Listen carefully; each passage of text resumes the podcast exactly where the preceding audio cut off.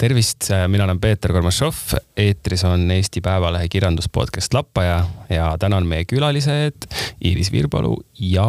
Mari-Liis Müürsepp, tervist. tere. tere tutvustan teid ka lühidalt, kuigi teil on väga palju tegevusi, nii et seda ei saa väga lühidalt teha, aga Iiris on siis Kadrioru ja noh, üldse Eesti Kunstimuuseumi kommunikatsioonispetsialist ja Mari-Liis töötab Leo Kultuuri reklaamibüroos keeletoimetajana. Enne kui jõuame luuletusteni ja luuleni, millest tahame täna pikemalt rääkida, siis palun rääkige natuke oma igapäevatööst. mida te seal täpselt teete? minu tööks on siis Eesti Kunstimuuseumis, äh, kus on tegelikult tõesti, nagu sa mainisid, mitu muuseumit, kokku viis, äh, kommunikatsiooni ja avalike suhete töö, ehk siis suhtlus ajakirjanikega, põhimõtteliselt sel eesmärgil, et kõik need äh, suurepärased näitused, mida me teeme, jõuaksid siis publikuni ja, ja, ja et nendest saaks kõnelda ka laiemale avalikkusele mina olen ametlikult äh, keeletoimetaja, aga pigem äh, teen ka sellist sisulisemat toimetamist tihti. ühtlasi ma, ma siis toimetan reklaame ja ka tõlgin reklaame ja ka kirjutan reklaame ja muuhulgas ma saan vahel kirjutada ka luuletusi, mis mulle väga sobib ilmselgelt. et mulle väga meeldib see just talve ajal siis, kui tulevad jõululuuletused, igasugused jõulusoovid, siis saab kirjutada palju jõululuuletusi. nii et luuletused leiavad ka tee reklaami mõnikord. absoluutselt mm,. mul tuli siit naljakas lugu meelde, et kui mina, kui kunagi olin reklaamibüroo praktikal, siis ma tahtsin äh, tahtsin teha ka lõbusa sellise kalendri, õllekalendri ja siis ma mm, leidsin erinevad müüdid, et mida tehti siis õllega ja siis äh, näiteks kunagi oli Valhallas oli selline kits, kelle udaras oli piiramatus koguses õlut ja teine lõbus lugu, mis ma leidsin, oli see, et Mesopotaamia äh,, vanas Mesopotaamias õllemeister uputati õlletünni, kui ta tegi halva õllelaari, aga kahjuks A Le Coqile selline kampaania ei sobinud, see tundus nendele liiga wild ja ma loodan, et nüüd on asjad äh, teistmoodi. kuidas te kõige selle kõrvalt leiate aega luuletuste kirjutamiseks ja millal te seda täpselt teete? Äh, no vahel ongi keerulisem aega leida, kui on, kui on hoogsamad äh, perioodid käsil, et aga minul, minul on kuidagi kujunenud selline harjumus, et ma olen mm, ühesõnaga siis varasematel aastatel, enne kui ma olin täiskohaga tööl, tegutsesin ma ka vabakutselisena projektipõhiselt päris kaua. et, et mõneti selline hunt kriimsilmalik olek ja, ja mitme asja tegemine äh, lisaks siis äh, oma igapäevatööle on mul kuidagi harjumuslik äh,. luuletamiseks peab küll jah, tõesti olema, olema sellist aega, mis ongi päriselt vaba, et kiirustades äh, mulle tundub loominguline tekst eriti ei sünni. et selleks on tõesti tõesti vaja kuidagi pea eelnevalt ära puhastada, et sul päriselt on aega, et sa saad äh, rahulikult keskenduda, et tekib mingisugune vaikuse moment. Äh, kindlasti on see inimeseti erinev, aga jah, mina luuletan tavaliselt niimoodi, et äh, mul tuleb mingitel suvalistel hetkedel tuleb see mõttekatke või mingi siis nii-öelda mõte või inspiratsioon, millest saaks luuletus arendada. ma panen selle kirja ja siis äh, töötlen ta luuletuseks nii-öelda jah, just sellistel hetkedel, kui on aega. et äh, kui, kui seda aega on, siis seda saabki kasutada ja kui seda nagu mõtet ei ole ees, siis seda ei tule ka, et seda noh, nagu punnitada ei saa niimoodi luuletust, mina vähemalt ei saa. et kui see nagu algmaterjal või mingisugune toorik on juba ees olemas, et siis äh, sellega saab töötada siis vabamal ajal. aga kui seda ei ole, siis seda ei tule ka niimoodi kuskilt pastakast välja imetult nagu. luules ei tule tuulest, nagu ütlevad mingid kuulsad sõnad, ma ei tea, kes, kes see ütles nii. jah, et see on küll selline väike, noh, kõige rohkem mulle tundub luuletus ikkagi olevat selline nagu emotsiooni kirjapanemine, kuidas, kuidas teie, teie jaoks? Äh, jah, võib-olla viimastel aastatel ma teen pigem vähem seda emotsiooni äh, kirjeldamist, et ma pigem äh, lähtungi sellistest olukordadest või mingitest huvitavatest asjadest, mis ma näen näiteks enda ümber. et ma väga palju selliseid enda tundeid nagu või emotsioone siis ei kirjeldagi, ma arvan. et jah, kui sa näed midagi huvitavat, siis see nagu sobib kirjapanekuks, aga, aga jah mina olen pigem emotsioonipõhine kirjutaja, äh, on mulle tundunud, et sellist komponeerimist või seda, et ma nüüd teadlikult hakkan nullist kirjutama, on minu puhul vähem. Mm, küll aga ka ei pruugi see alati olla puhas emotsioon, vaid see võibki tõesti olla kas mingi sõna või kõlamäng, äh, mõni kujund, mõni rida, mis, mis hakkab peas ketrama ja, ja pärast siis järgneb selline lihvimine ja juba, juba natuke ratsionaalsem toimetamine kogu selles protsessis ja see võib, eks ju, toimuda suvalisel ajal, et äh, võib-olla näiteks äh, see põhi, põhikirjutamisaeg öösel enne uinumist, kui on selline uneärkvel oleku vahepealne aeg või või midagi sellist, et siis võib juhtuda midagi väga huvitavat. ja aga siis tihti ei viitsi üles tõusta, et seda kirja panna kuidagi, et siis sa mõtled, et okei okay,, et kui see on noh, vahepeal ma olen mõelnud, et kui see on väga hea mõte, siis ma mäletan seda hommikul ja kui ma siis ei mäleta seda hommikul, siis ma mõtlen, et no ju siis ei olnud nii hea mõte. et äh, tavaliselt ma, ma ei, nagu ei vaevu selleks voodist üles tõusma, et seda mõtet kirja panna, et äh, ma ei tea, võib-olla peaks pastakas ja märkmik voodi kõrvale, nagu mõned teevad, ma olen kuulnud. jah, minul näiteks on täiesti sõna otseses mõttes pastakas ja, ja märkmik voodi kõrval, sest et äh, ma olen aru saanud, et kui ma ei sunni ennast sealt äh, sooja, soojast pesast korrakski kasvõi istukile tõusma, et see üks rida, kaks rida äh, kirja panna, siis see tõesti on hommikuks läinud ja, ja vahel on see nagu suur selline kaotuse tunne kohe, et oeh, et kas ma siis nüüd ei võinud, aga see on noh, tõesti, et see tuleb sellise unise peaga, see on mingi vahepealne seisund ja kuidagi mõte läheb läheb ka siis nagu rändama ja, ja siis võib tekkida selliseid huvitavaid, huvitavaid leide küll. Jah, ja siis see vahel jääb veel niimoodi närima, et sa mõtled, et kas need parimad luuletajad on siis need, kes tõusevad üles ja panevad selle kirja, et et, et võib-olla see on see, mis lahutab mind siis nagu heast luuletajast, et nagu head luuletajad panevad nui neljaks selle mõtte kirja, aga mina siin noh, laisklen, et iseasi, kas jõuab dešifreerida pärast, sest et äh, ütlen ausalt, kui pimedas kirjutada ja kui ei ole kõige kenam käekiri kõige mm. korralikum, siis võib tõesti juhtuda, et äh, read on läinud äh, diagonaali omavahel segamini, täielikud varesejalad, noh isegi, isegi hullem kui arstide käekiri võib see tulemus olla Äh, minu arvates sellepärast on just parem kirjutada näiteks äh, märkmikusse, sest telefoni, äh, kuna ma ei ole väga osav selle telefoni kirjutamises, siis ma tihtipeale panen mingid üksikud sõnad kirja ja pärast on neist väga raske aru saada, mida need tähendavad. nagu seosetud omavahel täiesti. Mhm. -huh. jah kas teil tuleb äkki meelde ka mõni kõige sellisem ebameeldivam olukord, kus te olete olnud, et kiiresti on vaja midagi kirja saada, aga absoluutselt ei saa seda hetkel teha? a la mingi jõululauas või, või midagi sellist minul päris konkreetseid seiku niimoodi ei meenu, küll, küll aga sellised seigad, kus noh, tõesti ei ole olnud äh, mingit arvestatavat paberit käepärast, et siis äh, kui vähegi on kuskilt õnnestunud kas siis pastakas lihtsalt laenata, et siis läheb kuhugi, ma ei tea, kohviku salvrätile, äh, kehvemal juhul WC-paberile, käsivarrele midagi kirja, et, et ikkagi noh, oleks, oleks ära kirjutatud, et niisama ütleme, peas korrates ei, ei pruugi see kujund ikkagi meelde jääda ma olen kõige meeleheitlikumal ajal kirjutanud äh, kümne eurose peale luuletuse see on nagu see meenub kohe. ja siis mõtlesin, et võib-olla see ongi see, mis teeb must luuletaja, et äh, kümme eurot täiesti äärest ääreni kirjutasin täisteksti, et ähm, see oli jah nagu. ja üks teine kord oli see, ma mäletan, kui ma olin noorem, siis ma käisin hästi palju äh, ööklubides oma sõbrannaga. ja siis kunagi oli see, et ma kirjutasin seal ka vist mingi salvräti peale või midagi. ja siis mingi selline noormees lähenes mulle ja siis proovis mind tantsima kutsuda vist või ma ei tea, midagi ta tahtis. ja siis ähm, ta küsis, et äh, mida sa teed, siis ma ütlesin, et ma noh, alguses tutvustas ennast ja siis küsis, kas ma tahan tantsida, siis küsis, mis ma teen. ma ütlesin, et ma kirjutan luuletust ja ta ei öelnud mitte midagi, ta keeras kanna pealt ringi ja siis läks minema lihtsalt. et äh, tuleb valida ka kohta, kus kirjutada, et äh,. jah, võid inimesed eemale peletada. jah, ei tea, mis tegevusega sa oleksid pidanud siis ametis olema, mis oleks piisavalt huvitav.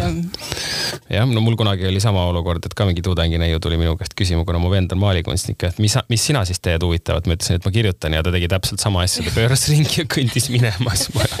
Väga halvad uudised kirjanikele. jah, täpselt, ärge alustage. jah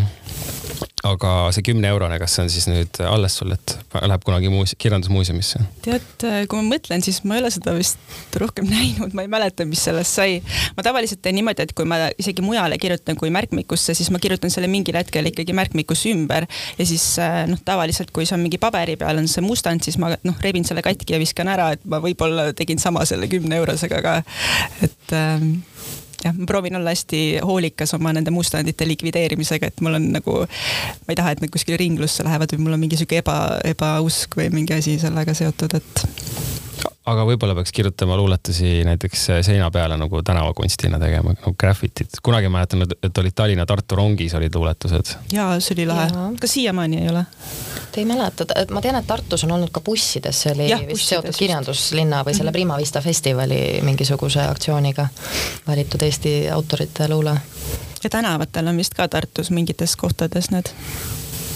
jah, see töötab hästi. Ja samas ka internetis väga paljud luuletajad on, eks ju, Instagramis tänapäeval ka. Mm. või mis kanal, või näiteks, kus teie uusi luuletusi loete või, või kuhu te neid ise kirja panete, kuskile noh, ütleme, kui välja jätta siis märkmik või enda tarbeks kuskile kirjutamine mina loen ja leian äh, enda jaoks huvitavaid autoreid ilmselt äh, kirjandusajakirjade kaudu, äh, vahel ka raamatupoes uidates midagi lehitsedes kuskil luule, luuleriiuli juures mm,. aga, aga muidu jah, mina olen ka selles suhtes vanakooli kirjutaja, et ma ikka kirjutan märkmikusse alguses täitsa pliiatsiga paberile sest ma tunnen, et kui ma kirjutan arvutisse, siis minu mõte mõttejooksu tempo on teistsugune. et see, kui ma kirjutan päriselt pliiatsiga, see võimaldab mul natuke aeglustada ja hakata seda teksti või, või sõnu rohkem kuidagi läbi mõtlema ja tunnetama, et see on minu jaoks natuke parem variant, töötavam variant mul on sama, ma tunnen kuidagi, et kui ma kirjutan käsitsi läbi selle, siis mul on kuidagi isiklikum suhe selle luuletusega või see on kuidagi mulle lähemal, kui ütleme läbi ekraani, et ekraanist on ka kuskil nagu in, mingis internetis sihukeses abstraktses kohas, aga, aga jah, märkmikust on nagu siin ja praegu rohkem. ja ma ka, ma arvan, ma leian kõige rohkem nagu kirjandusajakirjadest ilmselt ja ikka loed seda, mida soovitatakse või mida näiteks sõbrad Goodreadsis on hinnanud hästi või, või äh, jah, mingitel esitlustel või mingid esitlused, mis jäävad silma näiteks Facebookis või tead juba mingeid autoreid ja siis jälgid nende tegemisi ja. Instagram tegelikult oleks hea platvorm, aga ma arvan, et äh, ma olen täheldanud, et äh, tõeliselt need luuletajad, kes mulle meeldivad, need väga ei kirjuta sinna tegelikult, et see on pigem selline noorte platvorm, et seal ongi võib-olla pigem algajamad luuletajad, noh, ma ise tegelikult ka postitan Instagrami oma luulet, et natuke räägin vastu endale. aga seal on jah, ma arvan, see viisteist kuni kaheksateist vanusegrupp on hästi aktiivne, et siis võib-olla need äh, ähm, noh, kvaliteetsemad tekstid ei paista seal nii väga esile, ei tõuse esile nii väga. Jah, mainisid kirjandusüritusi, siis äh, Iiris, sinu käest tahakski kohe küsida, sa oled Umbluu õhtute korraldaja räägi palun nendest, kas tuleb ka mõni uus äh, õhtu varsti? on loota ja meil on äh, tõesti selline sümpaatne sõpruskond, umbes viie-kuueliikmeline, kellega me oleme juba aastaid koos käinud, kirjutanud, üksteisele tagasisidet andnud, lihtsalt arutanud kirjandusest ja luulest ja, ja ühel hetkel tekkis mõte hakata korraldama ka sündmusi, kus siis noored alustavad luuletajad saaksid üles astuda ja, ja oma tekste publikule elavas esituses ette lugeda. ja, ja tõepoolest Umblu õhtu nimeline sündmuste sari äh, toimub siis Tallinnas Naga-Nagas. ühe korra oleme sellega jõudnud ka Tartusse ja nüüd äh, tõepoolest on, äh, on sügisel ja siin talve, talve lähistel plaanis ka taas Tartusse minna. et praegu natuke peamegi plaane seoses uue sündmusega, aga formaat on jah, tõesti muidu selline, et peamiselt anda platvormi noortele luuletajatele, kes võib-olla ei olegi kusagil veel ette lugenud oma tekste, ei ole ka kusagil avaldanud. Mm, et pakkuda seda platvormi platvormi, aga sinna juurde käib äh, igal õhtul ka peaesineja, ehk siis üks kogenum luuletaja, kes reeglina on juba mitu luulekogu välja andnud ja, ja kes siis ka oma tekste esitab. tore ja mm, Mari-Liis, sina, ma tean, oled äh, väga palju olnud seotud äh, viimase neljapäevaga, räägi palun sellest üritusest ka ja kas on lähiajal kavas ka uus üritus? Äh, absoluutselt, meil on iga kuu siis viimane neljapäev ja noh, igal kuul on viimane neljapäev, siis toimub ka kirjandusüritus Viimane neljapäev. tegu on siis Vaba Lava üritusega, kus saavad kõik osaleda, ei pea ette registreerima, lähed lihtsalt kohale ja siis tehniliselt teed laval mida iganes tahad, et meil on seal luuletajad, meil on seal bändimehed, muusikud, tantsijad, stand-up'i tehakse äh, seal on lihtsalt mõni lihtsalt läheb lavale ja räägib oma päevast või töövestlusest või millest iganes. ja viimase neljapäeva võlu on minu jaoks olnud alati see, et, et mul on seal tunne, et sa võid nagu ükskõik mida teha laval ja sind ei mõisteta hukka, et kõik, mis sa teed, on okei okay.. et Kõvni, minu siis kirjandusõhtu viimane neljapäev fenomen minu arust ongi see, et see on kuidagi hästi avatud ja hästi toetav ja hästi selline kuidagi äh, boheemlaslik võib-olla. et äh, see on jah, selline hästi tore üritus, soovitan külastada. jah, kui me oleme sellest varem rääkinud, siis te ütlesite, et äh, üks on siis nagu natukene kultuursem, siis aga aga see veidi kultuursem ja viimane neljapäev on siis natuke sellisem pungilikum. jah, see on tõesti pungilikum, et seal vahepeal läheb siukseks karjumiseks ja, ja noh, see on esitusosa mõistagi. Äh, aga jah, et vahepeal ikka karjutakse vahele esinejale ja kommenteeritakse ja, aga noh, alati see ei ole nagu pahatahtlik, et see on alati selline pigem Äh, vestlust äh, arendav. visatakse õlepudelitega? ei, seda okay,, seda, seda pole kohanud meil on jah, võib-olla pigem selline salongilik atmosfäär natuke, et meil on küll selline kerge baarimelu ka taustal, aga, aga jah, natuke rahulikum võib-olla üldjoontes on see atmosfäär selge, äh, kas teie, kui olete käinud näiteks reisimas, kas olete käinud mingitel sarnastel üritustel ka? Välismaal? mina ei ole. minul on kunagi Poolas õnnestunud äh, viibida sündmusel, mis oli ka selline vaba lava stiilis, et see ei olnud ainult luulesündmus, et seal oli ka muusikalisi äh, ülesastumisi, aga, aga see oli ka pigem selline boheemlaslik ja, ja täis hõikamisi ja tudengeid ja selline väga äh,, väga puhtakujuline sihuke vaba, vaba loomingu boheemlaslik õhtu kõlab hästi, loodame siis, et äh, nüüd saab äh, minna nendele üritustele varsti jälle. Äh, Mari-Liis, rääkides veel asjadest, mis on lähiajal kavas või tegelikult juba toimunud, sinul on tulnud välja uus luulekogu, Strippari pisarad. räägi palun lähemalt selle saamisloost, ma saan aru, et need on viimase aasta luuletused seal peamiselt ja see on ja. sinu kolmas luulekogu. jah jah, ma ütleks, et seal on viimase kahe aasta luuletused keskeltläbi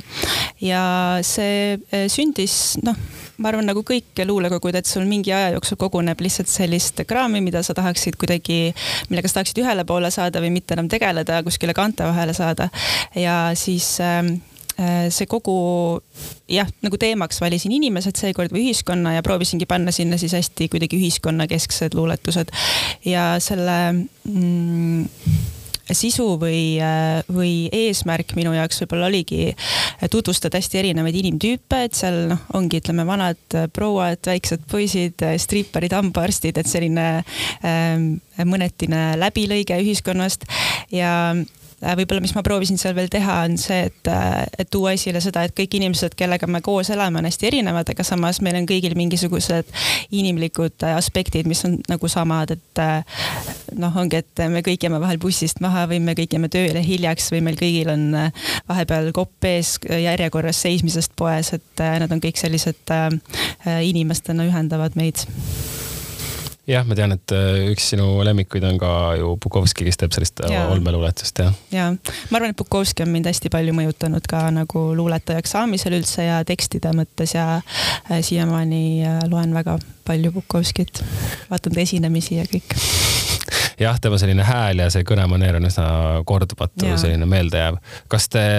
kas te vaatate näiteks ka mingeid luuletajate videosid veel Youtube'ist või mingit stand-up Äh, koomikuid või midagi, midagi sarnast? mina olen aeg-ajalt vaadanud, aga ka pigem harva USA-s sellist äh, spoken word'i äh, etteasteid, kus siis ka rõhk on just elaval esitusel ja, ja seal on juba sellist noh, tõesti etenduslikkust natuke rohkem ja sellist intonatsiooni häälega mängimist. aga, aga üldiselt, kui ma, kui ma soovin luulet lugeda, kuulata, siis ma pigem loen ikkagi, jah Äh, mis tunne nende luuletusi ette kanda laval mm,? alguses on ikka selline, et vajab harjumist. Äh, noh, tõesti kasvõi enda häälega või, või just, et niimoodi rahva ees kõnelemine aga, aga tegelikult annab see nagu ühe dimensiooni juurde sellele tekstile, et äh, sa hakkad ikkagi kuulma seda kõla. seal jah, avaneb mingisugune üks üks mõõde selles tekstis, mis, mis ainult paberil ja, ja kirjalikus vormis ei pruugi esile tulla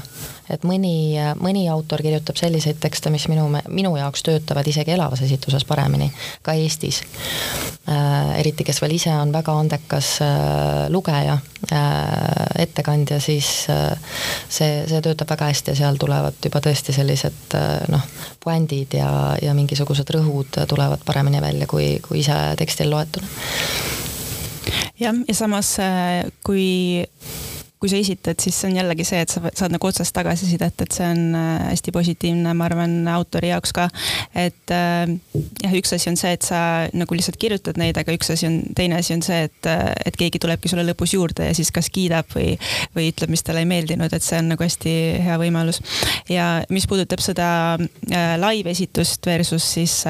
nagu paberil lugemist, siis minu arust minu jaoks on hea näide olnud näiteks Teele Lember, kes on ka üks viimase neljapäeva püsiesinejaid esinejaid ja teda ma olin kogu aeg siis nagu kuulnud äh, esinemas meie üritusel.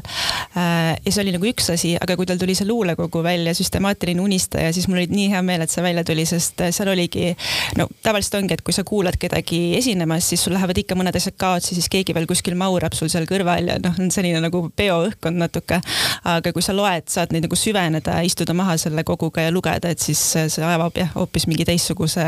dimensiooni ja, ja selle noh, selline minu jaoks nagu kuidagi hästi hästi ähm, ere hetk, et äh, ma nagu tundsin, et üks asi on jah see, kui inimene esineb, aga teine asi on see, et kui, kui see on kuidagi talletatud, et sa saad seda tarbida ka omaette niimoodi.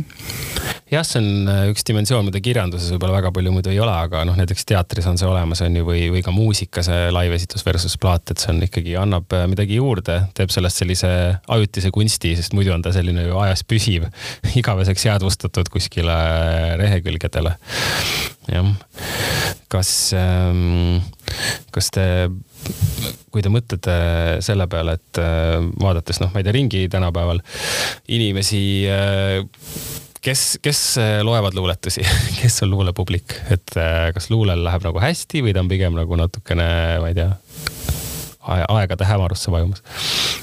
Ma arvan, et ei lähe väga hästi, kui nagu objektiivselt vaadata, siis pigem ei lähe hästi võrreldes äh, tavakirjand- või noh, siis nagu üldise või ülejäänud kirjandusega, et kõige paremini läheb ikkagi ütleme sellisel ähm, teabekirjandusel, võib-olla eneseabikirjandusel. Äh, nüüd äh, viimastel aastatel ka see krüptoteema ja kõik mingi finantseerimisõpikud, need müüvad hästi. et luule on alati olnud minu arust pigem tagaplaanil, et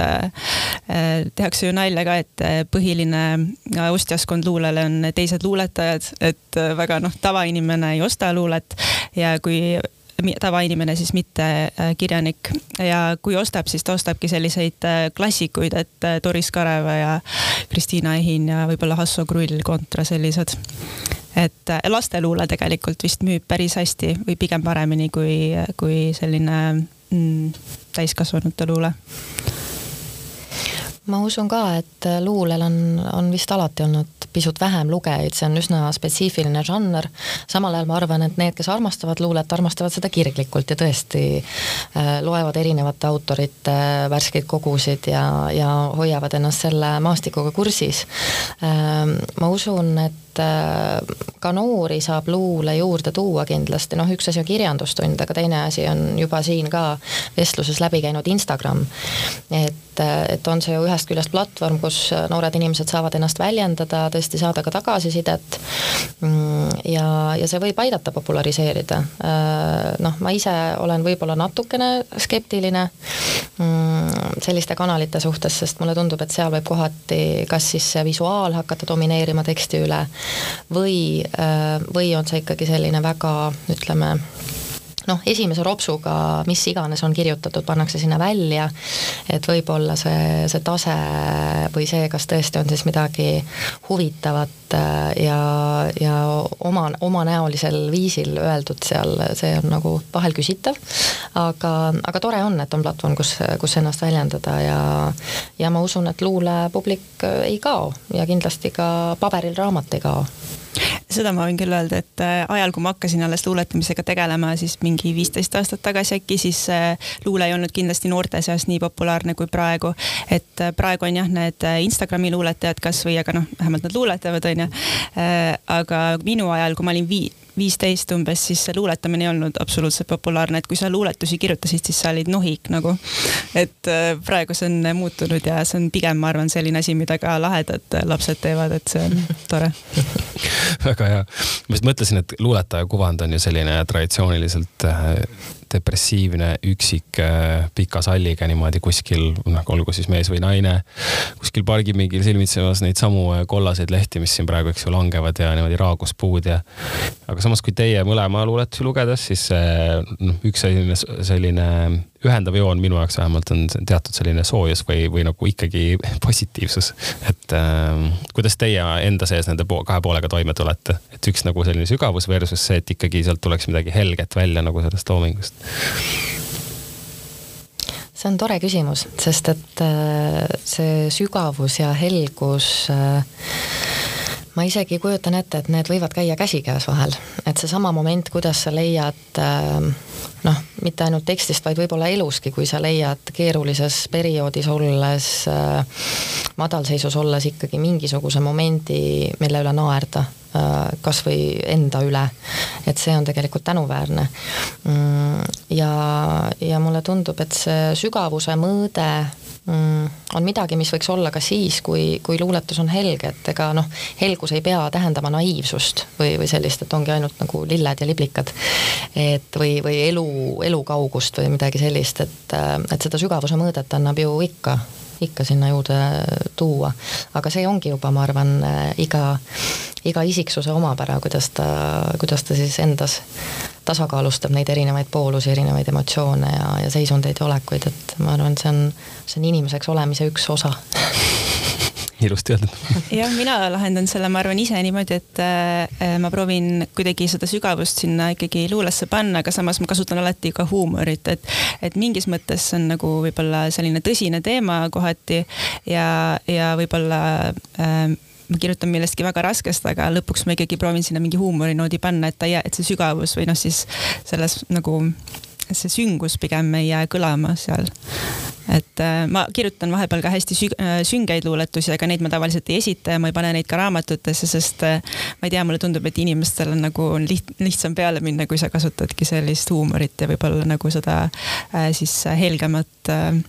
loomingut. ja sellist puanti lõpus, nagu sulle meeldib teha ka. jah, ja seda mm -hmm. sügavust on tegelikult palju raskem kirjutada ka minu arust niimoodi, et see mõjuks ja see ei mõju, et see ei tunduks kuidagi selline äh, nõme jah, ma olen väga nõus, eriti palju on selles mõttes just praegu, kui ükskõik mis kunstiliigis äh, nagu ringi vaadates, minu meelest on väga palju sellist depressiivset äh,, no mul tuleb kohe nagu Billie Eilish näiteks meelde, noh muusikast mm., aga noh, ma laiendaks seda nagu teistele, teistele kunstidele ka, et, et see on nagu äh, tunne, mis väga paljudel noortel on nagu maailma suhtes, kuna on kliimakriis ja, ja selline internet põhjustab sellist üksindust, sotsiaalmeedia sellist teatud äh, paradoksaalselt sellist äh, jah, kuidagi eraldatust, kuigi ta peaks nagu ühendama ja siis see on see tunne nagu, mis on väga valdav. aga, aga üles leida see positiivne, et see on nagu, see on nagu järjest olulisem ja kui sa seda teed, siis sa paistad palju rohkem silma, mulle tundub nagu enda loominguga. võimalik jah et selles, selles mõttes on, on see väga jah, selline keeruline, aga, aga tänuväärt asi, ma lihtsalt mõtlen, et ise kirjutades ikkagi, kui sa al, alustad kirjutamist, kui sa hakkad kirjutama, siis tihti on ikkagi ju midagi läinud nagu hinge või nagu midagi läinud halvasti, et sa üldse midagi paberile paneks. et äh, ma ei kujuta ette, et, et tahaks nagu hakata lihtsalt kirjutama heast peast, kuna kõik on väga hästi. või ma ei tea, kuidas teile paistab jah, äh, minu esimesed äh, luuletused, ma küll alustasin luuletamist, ma arvan, traditsioonilises äh, vaates pigem hiljem, mitte siis varateismelisena, et, et ma päriselt hakkasin luulevormis kirjutama alles kuskil üheksateistaastasena. aga, aga jah, esialgu oli luule minu jaoks mõneti võib-olla isegi teraapiline vahend või mingi vahend, kuhu väga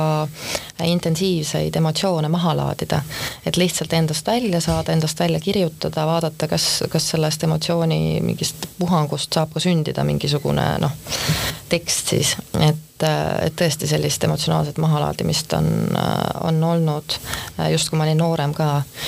et vahel ma teen seda siiani, aga noh, need on siis tõesti sellised tekstid, mida, mida noh, ei lähe siis võib-olla inimeste ette ette lugema või, või kuidagi, et et noh, need ongi teinekord iseendast kirjutatud ja, ja selles suhtes nagu niivõrd subje-, subjektiivselt ja ja iseendale, et las nad siis ollagi seal sahtlis jah, ma arvan, et äh, selle iseendast kirjutamise ja üldse selle nagu kuidagi emotsionaalse kirjutamisega on hästi suur oht see, et see tekst nagu ei tule nii hea võib-olla, et äh, ähm, seda näeb kuidagi hästi paljude noorte luules ka, et, et just need hästi depressiivsed teemad ja mingi armuvalu ja sellised, et need on juba iseenesest nii kuidagi klišeelikud ja, ja sellest on raske kirjutada niimoodi, et see oleks kuidagi uus ja mõjuks kuidagi huvitavalt või annaks midagi juurde kirjandusele. et ähm, jah, ma ise ka vahepeal kirjutan selliseid tekste, aga ma ka ei, ei pane neid kuhugi ülesse või saada neid kuhugi. et mulle tundub, et need on nii kuidagi jah, nagu klišeelikud või ära kasutatud, et see ei ole nagu mingi väga suure väärtusega. Jah, nõus, et kerge on olla, eks ju, äh, negatiivne, aga proovi olla positiivne. Kuigi eile käisin kinos vaatamas Antoni Bourdaini äh, elust tehtud filmi Roadrunner sõpruses, mis loodetavasti tuleb ka kinno, ta oli nüüd siin toidufilmide festivalil ja seal mm, Bourdaini sõber äh, ütles, maalikunstnik ütles seda, et äh, luua saab ka siis, kui sul on tõesti väga hea olla ja, ja sa tunned ennast väga positiivselt, aga suur osa maailma parimast kunstist on ikkagi sündinud läbi kannatuste see oli väga ilusti öeldud, aga kahjuks nii on minu meelest ka. jah, ma ei mäleta, kes on öelnud, et parim seisund kirjutamiseks on mõõdukas kurbus. Mm.. et sa ei saa kirjutada siis, kui sa oled täiesti augus omadega ja sa ei saa ka kirjutada, kui sa oled üliõnnelik, et mõõdukas kurbus on see, mida mm. sihtida jah, võib-olla selline mõtlik meeleolu, kus sa mm -hmm. nagu saad äh, luua midagi. kuigi Hemingway'l on see kuulus ütlus, et äh, write drunk, edit sober, et kirjuta täis peaga to ja toimeta, kui sa oled kaine. see on oluline moment tegelikult, see toimetamise moment, et sa ikkagi saaksid mingi kõrvalpilgu oma, oma tekstile, noh just enne, kui see läheb kuhugi avalikkusesse või, või ajakirja või, või noh, veel enam luulekogusse, et, et see toimetamise moment, kas siis iseenda toimetamine või, või see veel parem, kui sul on tõesti see kõrvaltpilk äh, konkreetselt toimetaja isiku näol, äh, inimene, kellega siis dialoogis olla, kes vaatab objektiivselt sinu tekstidele peale, annab konstruktiivset tagasisidet, et see on nagu väga-väga oluline, et, et kohati, kohati tundub noh, just seesama Instagrami luule ja kõik see, et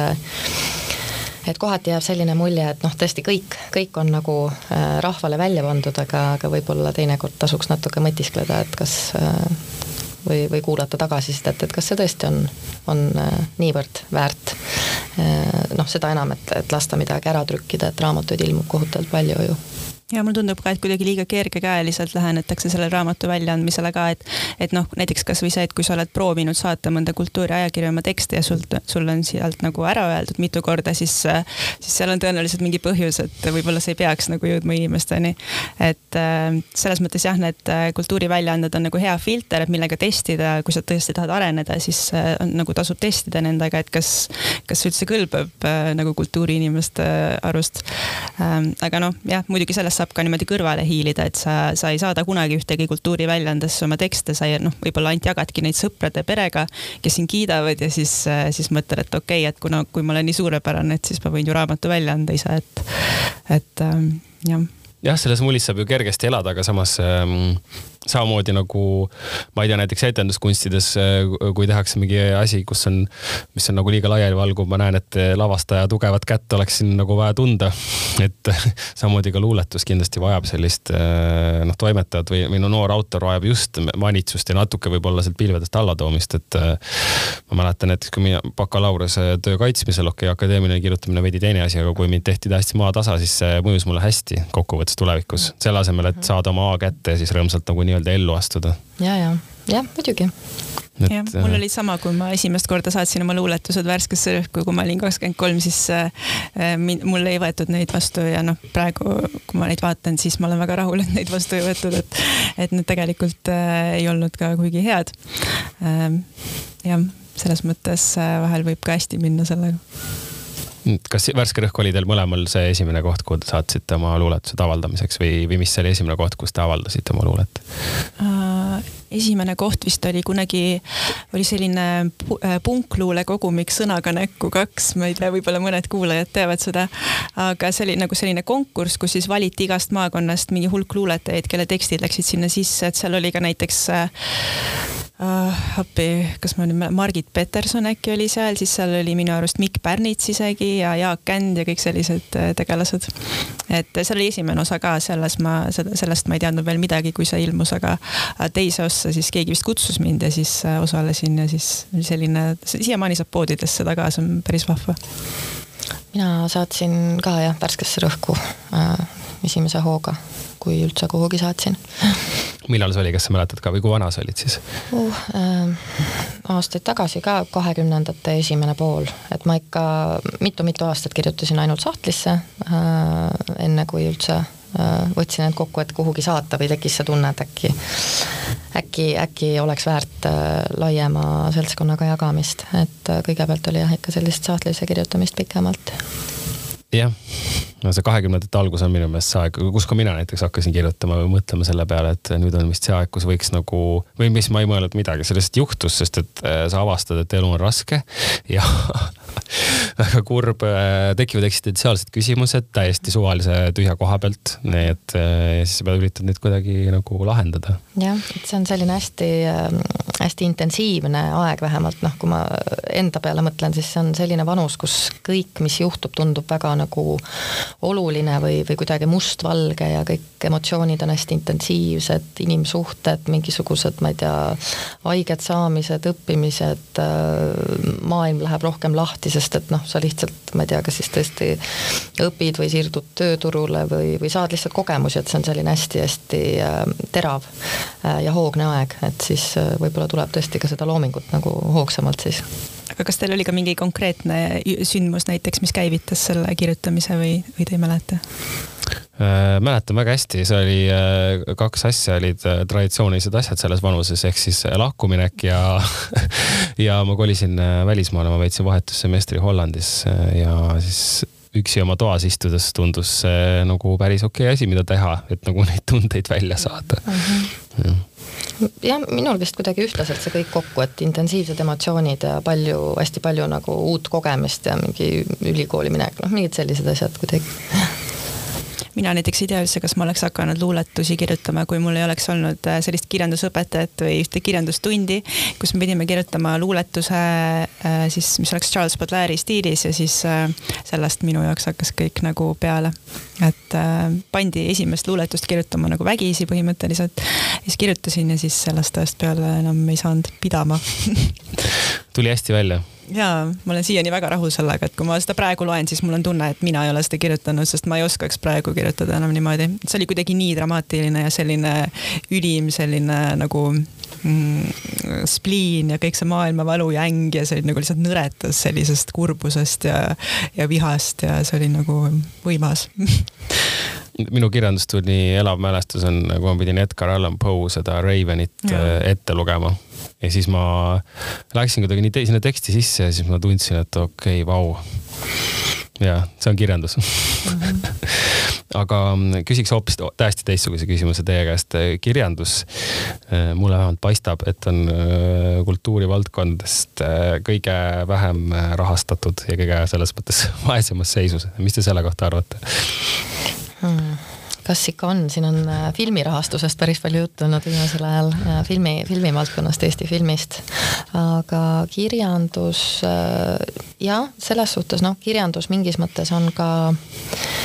natuke mm, minimalistlikum žanr, ütleme, kui võrrelda näiteks muusika või, või etenduskunstidega, kus sul tõesti on vaja ruumi äh,, instrumente äh,, sul töötab tavaliselt ikkagi meeskond äh,. kirjandus on Äh,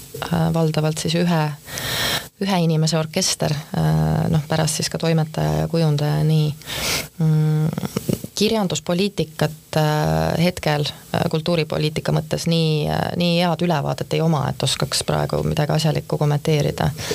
et et äh, jah, jään selles suhtes nagu vastuse võlgu praegu. ja see on hea tähelepanek, et tegelikult kirjandus ju ei vajagi nii palju vahendeid kui ütleme teised äh, žanrid. ja ma ei tea, ma ei oska ka kommenteerida, aga mõnes mõttes tundub, et kõik, äh, kõik arvavad, et nemad saavad kõige vähem raha, et kui sa ise oled seal kirjandussfääris ka, siis sulle tundub, et sinule tehakse kõige rohkem liiga ja siis nagu see on kõikide puhul, nii et ma ei tea. aga kirjaniku palk ja kunstniku palk Eestis,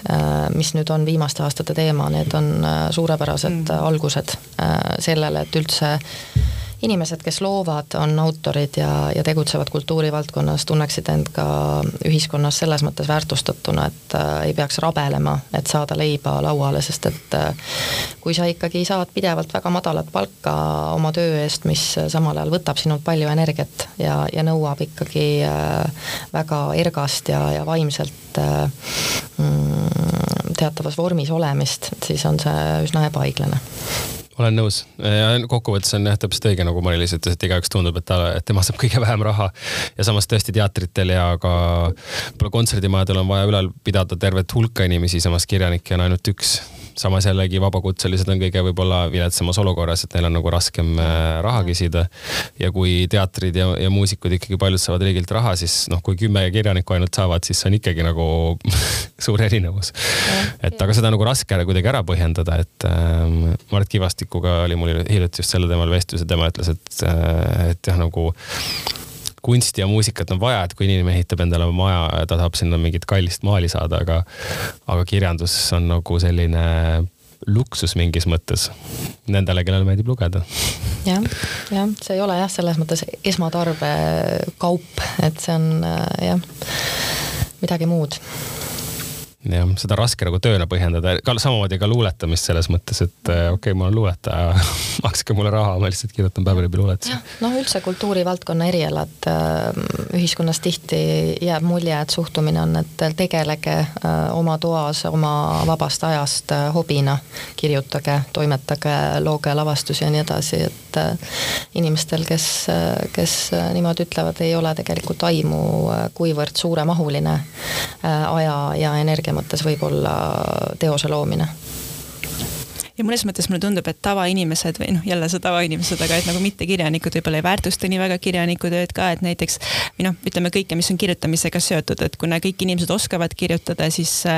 siis ähm, kuidagi see kirjaniku töö või, või nagu ka toimetaja töö tegelikult ei ole nii väärtustatud, et, et mida ma näiteks toimetajana tihti kuulen, ongi see, et mingi sõber saadab mingi teksti ja siis noh, ütleb, et ma ei tea, lase pilk läbi nagu lase pilk üle või vaata korra üle, et, et see noh, toimetaja ja siis ka kirjaniku töö või noh, kasvõi see, et ma ei tea, kirjuta mulle mingi tekst, et ma tahan üritust teha, et kirjuta mulle mingi tekst. et tundub, et see kirjand- äh,, kirjutamistöö kuidagi käibki nagu käigu pealt, et ma ei tea, viska midagi kokku, et mingi kaks sekundit ja valmis, et, et tegelikult see ei ole vaata see noh, see, see on ikkagi töö selles mõttes, et see võtab aega ja, ja mulle tundub, et nagu paljud inimesed võib-olla ei väärtusta seda nii väga jah, samamoodi mingi pressiteate kirjutamine või, või mis iganes, et see või ka meili kirjutamine, et see on tegelikult ikkagi jah, see on, see on töö, aga mingid inimesed tegi, teenivad sellega väga head raha, kes on näiteks, ma ei tea, blogijad või mingid elustiili blogijad nii-öelda. Influencerid. Influencerid jah. see on täna, tänapäeva popp-amet jah jah. ja saateaeg hakkab vaikselt otsa saama, enne kui jõuame raamatusoovitusteni, siis äh, tahaksin veel äh,, tahaksin veel küsida luuletamise kohta sellist asja, et kas teil on äh,, Miiris, sinu käest kõigepealt, et kas, millal on oodata luulekogu? Ei ole hetkel selle suunas liikuma hakanud, et eks näis, mis, mis tulevik toob selge. ja Mari-Liis, kas, äh, kas sinul on ka juba, oled uusi luuletusi kirjutanud või puhkad praegu pärast äh, seda eelmist? Äh, jah, ma olen kuidagi luuletuste kirjutamisest praegu küllastunud, et äh, mul on praegu väga äh,, ma loen küll luulet ja ma loen muud kirjandust ka. et mul praegu ongi pigem selline lugemisaeg, inspiratsiooni kogumise aeg ja vaikselt proovin kätt ka arvustuste kirjutamisega, et kuidagi rohkem sinna maailma suunas liikuda aga järgmisena ma plaanin üldsegi välja anda novellikogu. et see on selline suurem projekt ja ma kuidagi tunnen väga suurt vastutust selle ees, et mul tegelikult pidi see juba teise raamatuna välja tulema, aga nüüd siis tuli teine raamat, siis tuli kolmas või noh, teine luulekogu, siis kolmas luulekogu, et pole jõudnud selle novellikoguni siiamaani. aga proovin tegeleda sellega. Väga põnev. Ja sinu novellides ka, kes on lugenud, siis teavad, et on selline tore üllatus alati lõpus ootamas. Et Iiris, sina kirjutad ju ka väga erinevatel teemadel ja selles mõttes kultuurivaldkonnas aval-, avaldad äh, nii, ma ei tea, teatrist kui ka, kui ka kunstist selles mõttes, et äh, kindlasti võib sinu tekste ka kohata nagu ajakirjanduses lähitulevikus ja,. jah, jah, kindlasti, et äh, ma niimoodi vaba, vabakutselises vormis kultuuriajakirjandust olen, olen ka teinud juba aastaid, et äh, enne kui ma tegelikult avaldasin äh, luulet äh,, avaldasin ma arvustusi äh, kirjandusest ja, ja teatrist. et seda teen aeg-ajalt siiamaani, tõesti ja kui kuulad, kui tahate siis äh, lugeda Iirise asju, siis edasис on väga palju asju üleval. ja seal on intervjuusid ka näiteks palju, jah. jah, just. ja Mari-Liisi äh, luulekogu Strippari pisarad on siis äh, saadaval hästi varustatud raamatukauplustes nii ja lõpetuseks siis küsiksin teie käest raamatusoovitusi, et mida huvitavat te olete lugenud viimasel ajal? mina soovitaksin ikkagi Jürgen Roste viimast raamatut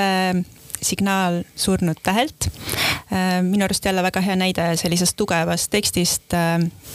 äh, mis üllatab, mida on huvitav jälgida, võimaldab hästi samastuda ja samas lõpud on jah, sellised äh, alati kuidagi sellise pauguga või nagu äh, puändiga.